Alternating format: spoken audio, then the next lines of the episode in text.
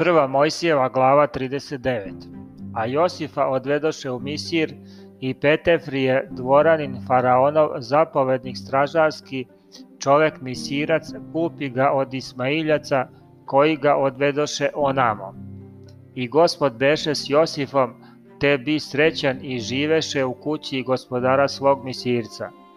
I gospodar njegov vide da je gospod s njim i da sve što radi gospod vodi u napredak u ruci njegovoj.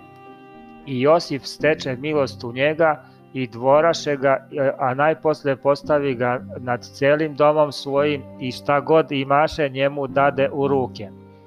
A kad ga postavi e, nad domom svojim i nad svim što imaše, od tada Gospod blagoslovi dom e, toga misirca radi Josifa i blagoslov gospodnji beše na svemu što imaše u kući i u polju. I ostavi u Josifovim rukavama sve što imaše i ne razbiraše ni za šta osim jela koje jeđaše. A Josif beše lepog stasa i lepog lica. I dogodi se posle, te se žena gospodara njegovog zagleda u Josifa i reče, lezi sa mnom. A on nehte, nego reče ženi gospodara svog, eto gospodar moj ne razbira ni za šta šta je u kući, nego šta god ima dade meni u ruke.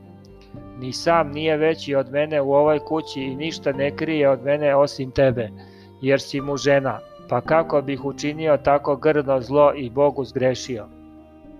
I ona govoraše takve reči Josifu svaki dan, ali je ne posluša da legne s njom, ni da se bavi kod nje. A jedan dan kad dođe Josif u kuću da radi svoj posao, a ne beše nikoga od domašnjih u kući. Ona ga uhvati za haljinu govoreći, lezi sa mnom, ali on ostavivši joj u rukama haljinu svoju poveže i otide. A kad ona vide gde je ostavi u rukama haljinu svoju i pobeže.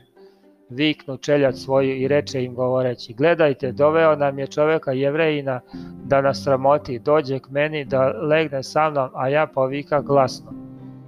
A on kad ču gde vičem, ostavi haljinu svoju kod mene i pobeže i otide. I ona ostavi haljinu njegovu kod sebe dok mu gospodar dođe kući. A tada mu reče ovako govoreći, sluga jevrejin koga si nam doveo, dođe k meni da me osramoti. A ja povika glasno, te ne on ostavi haljinu svoju kod mene i pobeže. A kad gospodar njegov ču reči žene svoje gde mu reče, to mi je učinio sluga tvoj, raznevi se vrlo. I gospodar Josifov uhvati ga i baci ga u tamnicu gde ležah u sužnji carski i bi onde u tamnici.